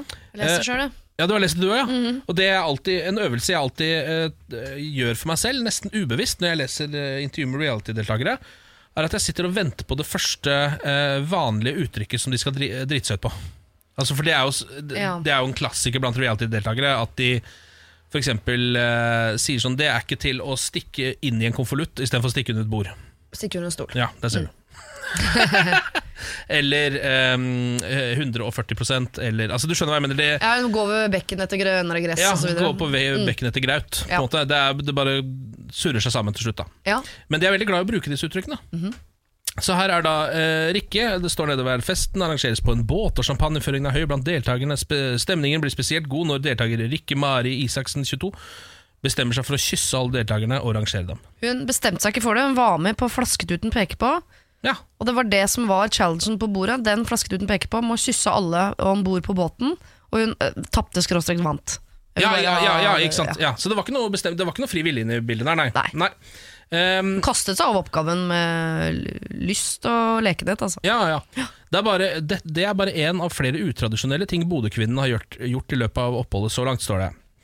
Ehm, og så står det også Jeg pleier egentlig ikke å angre på ting. Jeg syns det er veldig gøy å kysse, og jeg var på ferie, så det, der er det ikke noen problemer, sier eh, hun til Dagbladet. da.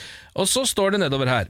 22-åringen var også med i den mye omtalte gruppesexen som ble vist på TV. Akkurat det kunne hun ha vært foruten, mener hun. Jeg sa egentlig til meg selv at jeg ikke skulle ha sex på TV, men jeg skjønte fort at det var mer en hvit løgn overfor meg selv. Og der kom det. En hvit løgn overfor meg selv? Ja.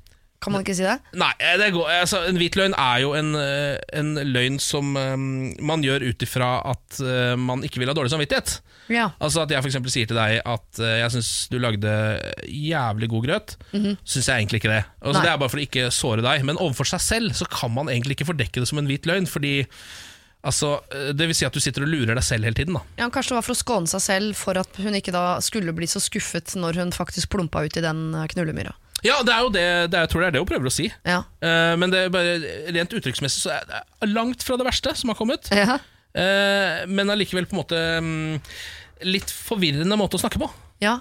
Men jeg liker det. Jeg mener at Man kan jo godt Altså man ler jo mye av uh, når man bruker uttrykk feil. Mm. Jeg mener at det er en, en eh, berikelse og også en utvikling av språket. For jeg, Ja. også, jeg setter sammen ord og uttrykk Ja. og bruker det feil. Men jeg ser på det som en, det er min måte å leke med ord og uttrykk på. Ja. Og så er det typisk da fordi uh, man står i G-string-bikini på en strand uh, i et reality-program, så tenker man at Og det driver ikke de med, de har bare misforstått.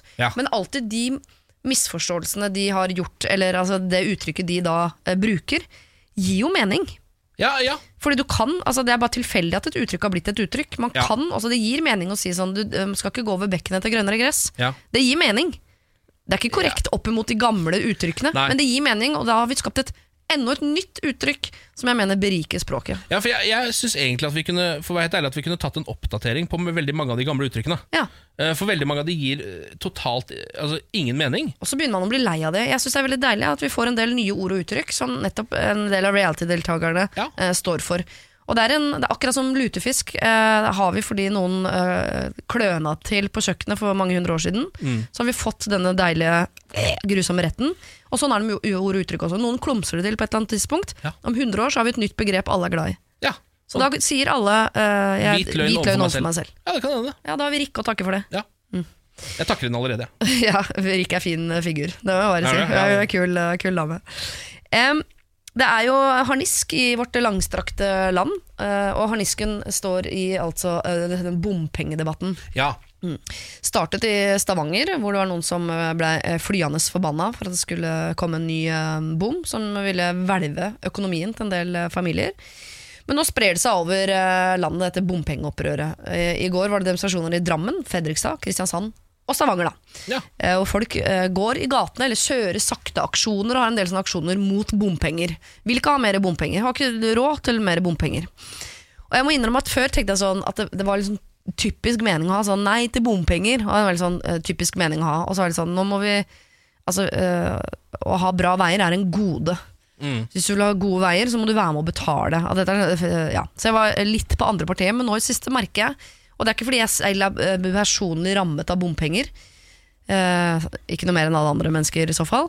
Men jeg merker nå at eh, nå har vi et samfunn som gjør at veldig mange er avhengig av å kjøre bil. Og ja, det kan godt si sånn eh, bilkollektiv, eh, kjøre tog. Men det er en del logistikk nå som gjør at når eh, man er i full jobb, skal hente, levere, pendle Altså det er en del ting i samfunnet nå som gjør at man må kjøre bil innimellom. Og det er ikke sånn at man nødvendigvis har råd til å kjøre gjennom den eh, bommen. Så jeg, jeg kan forstå at når man ser sånn Nå har vi en økonomi i denne familien som går ok bra.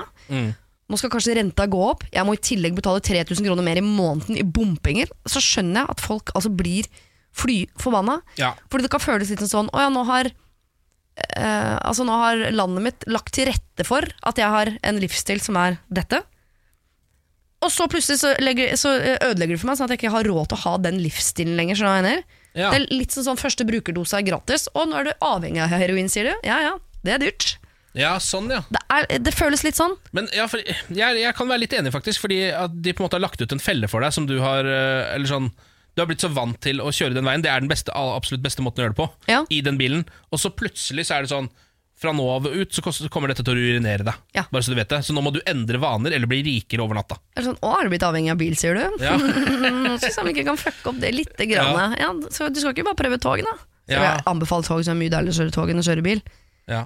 Men det er ikke et alternativ for, an- eh, for alle. Nei. Det kommer til å hvelve økonomien til en del familier. Pluss Ja. er det små barn som ikke kan ha smør på brødskiva. Ja. Det er ikke bra.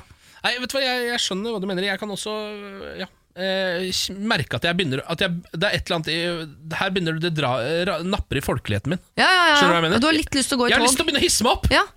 Nei til bompenger. Har du lyst til å kjøpe pinn og, og flagg og Du har ikke lappen engang. Ah, nei, det ser du, jeg har ikke lappen engang. Jeg har lyst til å Perfekt sitte her og hisse meg opp! Morgen på Radio 1. Hverdager fra sex. Hva skjer da? Jeg har bare tatt meg et knekkebrød. Bare vent to sekunder. Så radioprofesjonelt. Skal du google Mm. privat eh, opplegg du driver med? Takk for dette. Eh, nå er vi i gang, fordi jeg er jo, eh, i tillegg til å være radioprogramleder her, eh, forfatter, impresario og lignende, så er jeg også frastøtningsartist. Ja. Eh, Det vil si at jeg lærer folk hvordan de skal eh, holde seg single, frie og franke, eh, uten alle de bindingene eh, som et samboerskap eller giftermål vil innebære. Jeg har alltid lurt på en ting som frastøtningsartist. Mm. Hvor karakterdrap ville være at du plutselig fikk et barn? Nei, da måtte jeg jo gitt meg. Ja. Eh, Så altså, hvis jeg skulle få barn, så må jeg jo ta, altså, gå gamleveien med dem eh, og gjøre det mm, skjult. I det skjulte. ja. Ha de da enten uh, gående hjemme hos mor, liksom? eh, enten fritzelaktig eller Cristiano Ronaldo-aktig. At ingen vet helt om jeg er faren eller moren, eller hvordan det funker. ja. Eh, ok, men Er du klar for dagens uh, frastøtningskurs, eller? Ja. Hele veien fra Moss i Østfold. Ta han vel imot. Frastøtningsartist Ken Vasenius Nilsen! Ah, takk for det, takk for det, takk for det. Fullt hus atter en gang når jeg kommer og leverer mine kurs i frastøtning. Det er godt å se. Eh, Jeg ba jo om situasjoner eh, som vi skulle få inn på Facebook her, Siri, mm. i går. Um, om uh, som, uh, folk som trengte å løse opp i ulike frastøtningsfloker. Uh, Jeg har fått inn én melding. ja. Kan godt, eh, Da tar vi den, da. Kan godt få flere neste gang, bare så det er sagt. Kan, trenger kanskje å så belygget, men vi tar den, da. Eh, Den er fra Henrik. Han skriver på Facebook her. Hei. Jeg havner stadig i situasjoner hvor jeg inviterer jenter hjem til leiligheten min. Hvordan skal jeg unngå å bli sammen med dem? Det er spørsmålet fra Henrik her. Jeg er sikker på at ikke dette er fra Daniel i Ex on the Beach. Å, jeg Nei. havner tilfeldigvis alltid i situasjoner hvor jenter vil være med meg. Nei, det er det han sier. Jeg havner stadig i situasjoner hvor jeg inviterer jenter hjem til leiligheten min, er det han sier. Eh, Og noen av de blir tydeligvis også med, så Ja. hvordan skal jeg unngå å bli sammen med dem, sier Henrik. Og dette her er jo en kinkig situasjon, eh, og en av grunnene til at jeg nesten aldri tar med meg eh, jenter og kvinner opp i min egen leilighet. Det gjør jeg bare hvis jeg vil bevise for meg selv at jeg fortsatt er eh, frastøtningskunstens Tom Cruise. Altså det jeg vil øve. Da hender det at jeg gjør det. Ja, Og at det også er et valg du har tatt, ikke Ja. på en måte noe du er født inn i. Dette Nei. er valg, profesjonelt valg du har tatt. Ja, et profesjonelt valg jeg har tatt for å eh, trene uh, på min kunst, rett og slett. Ja. Um, men sånn som jeg ser det, to, to metoder som kan funke veldig godt i en sånn situasjon. Du har invitert en jente opp i leiligheten din, begynner å angre på det. Mm. ene er den såkalte sexmodellen. Ja. Ganske omstridt modell, men eh, det, vi kan komme tilbake hvorfor, hvorfor den er omstridt etter hvert. Eh, det er, den er kjent eh, i frastøtningsbransjen som K delt på M pluss S er lik V. Oi. Kvinne delt på mann pluss sex er lik vemmelse.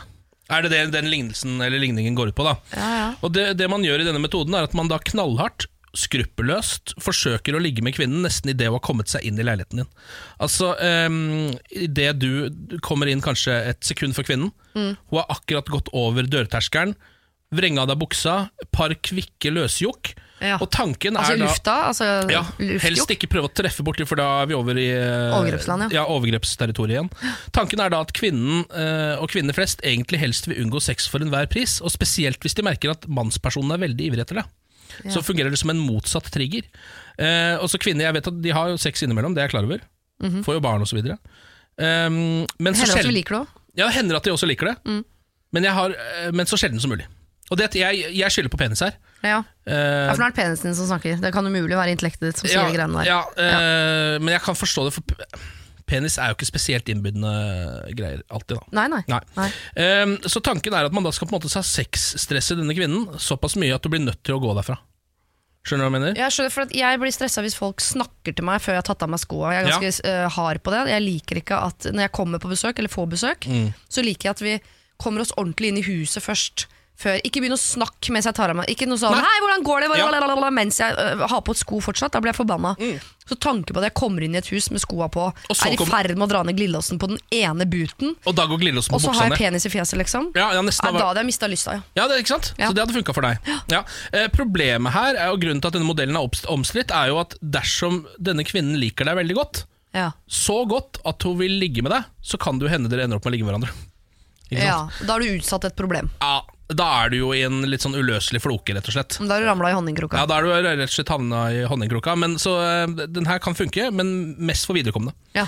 Eh, Den mest vanntette metoden er det som jeg kaller for auditiv eh, evakueringsmetode. Og, det, ja, og dette er, den er en ganske enkel metode. Ja. Sett på enerverende musikk.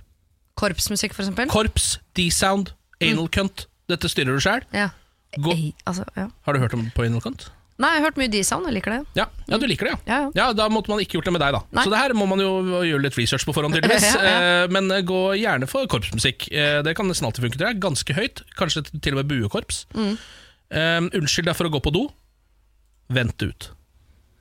Ja, Dette vet jeg at utesteder kjører en taktikk på. Hvis de får inn uønsket klientell, så setter de på musikk veldig veldig høyt, så de vet at denne typen klientell liker ikke denne typen musikk.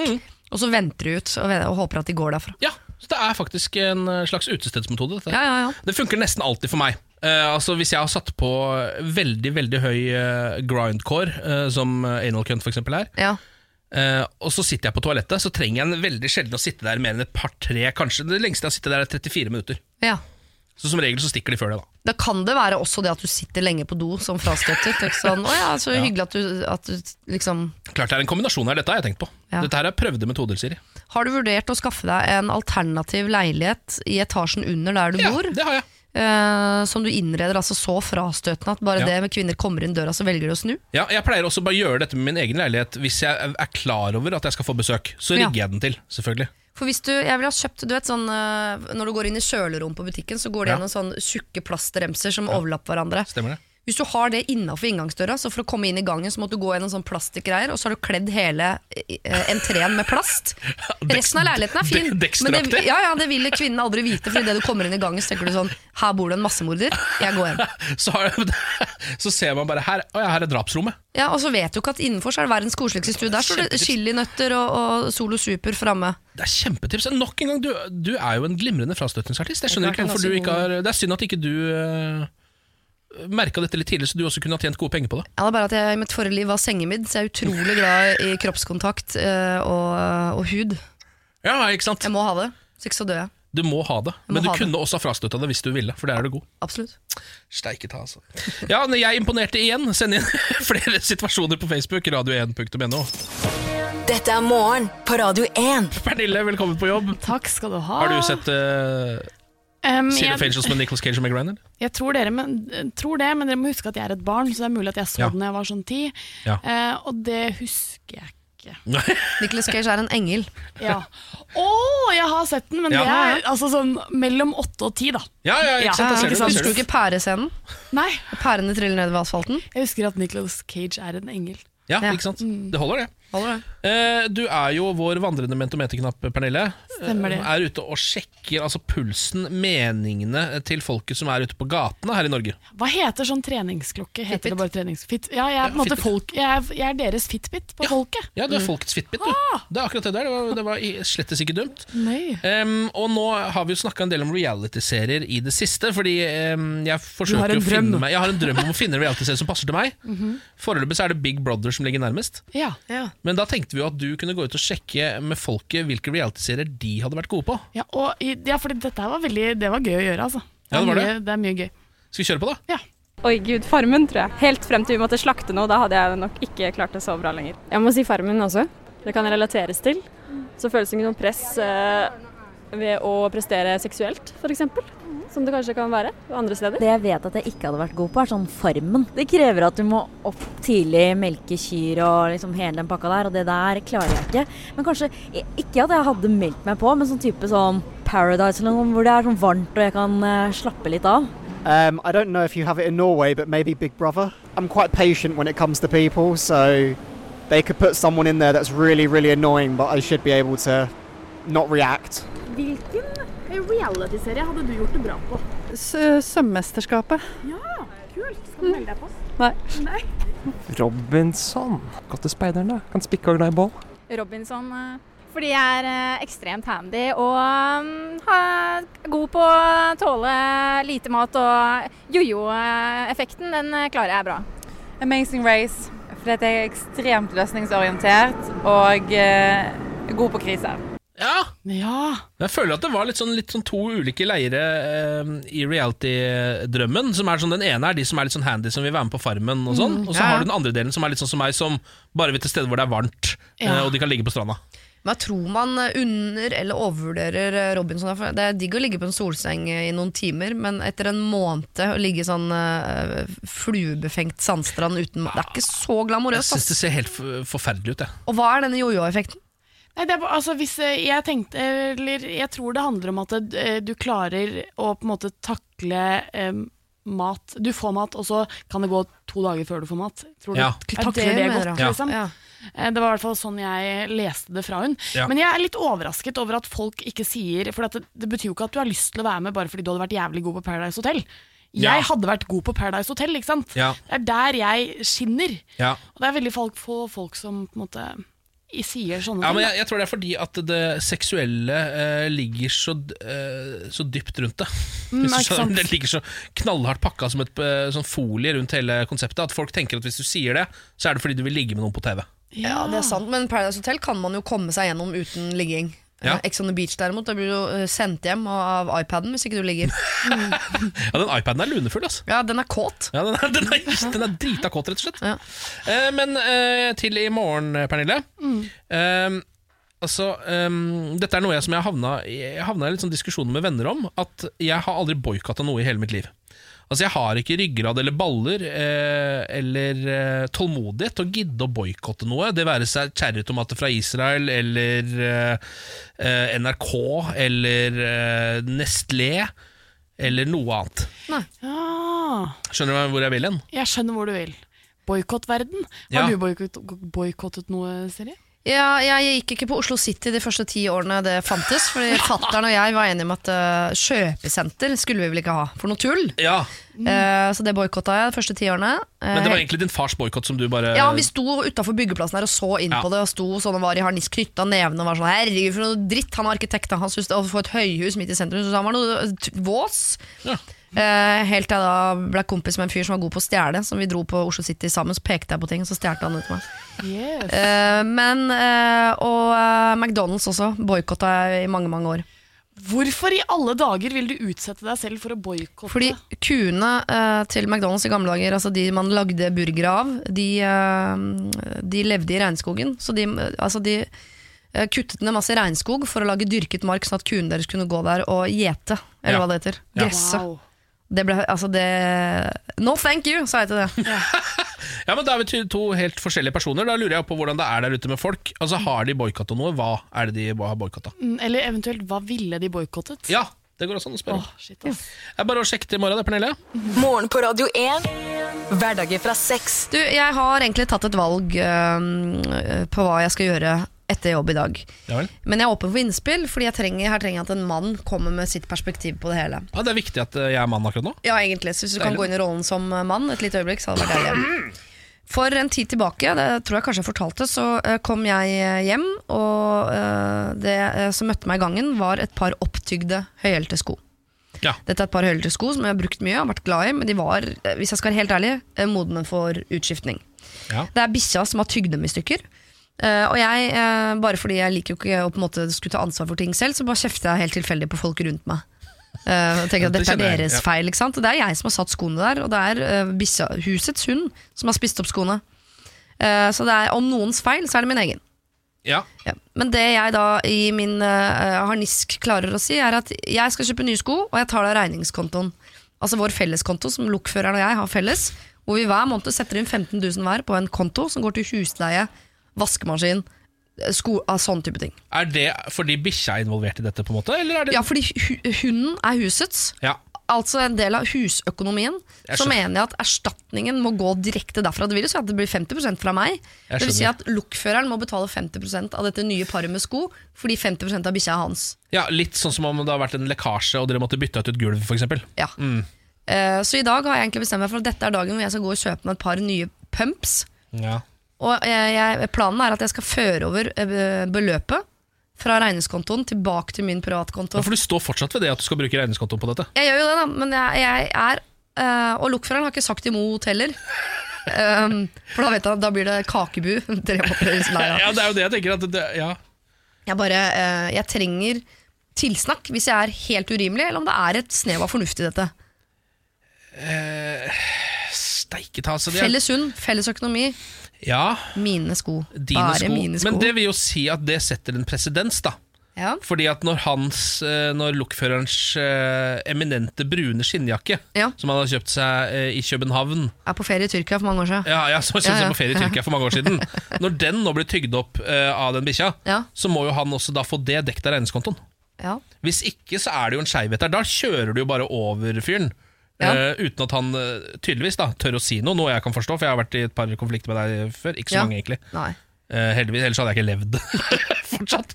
Men jeg vil, ja, du skjønner hva jeg mener. Altså, vi, vi, du, vi, du på en måte tier han til stillhet. Han kommer jo ikke til å si noe på dette uansett. Nei. Så dette er jo din samvittighet som må kjenne på dette. Hvis ikke så må du liksom lage en husregel på det. At det er sånn hver gang noe blir ødelagt av bikkja, ja, da tar vi det fra regningskontoen. Ja, men det kan jeg godt lage en regel på. Ja. Det er jeg villig til å gå om på. Kan Ja. jeg da gå og kjøpe meg i dag et par nydelige pumps? Du driter i den regelen. Du egentlig skal bare ha de pumpsa, du. Nei, men jeg, eh, jeg legger i potten at det ikke kommer til å skje igjen. Så dette kommer jeg til å gå, gå vinnende ut av. Ja, men Det er en gamble du er villig til å ta, ja. Ja, ja, ja. men Da syns jeg det må være greit. Ja.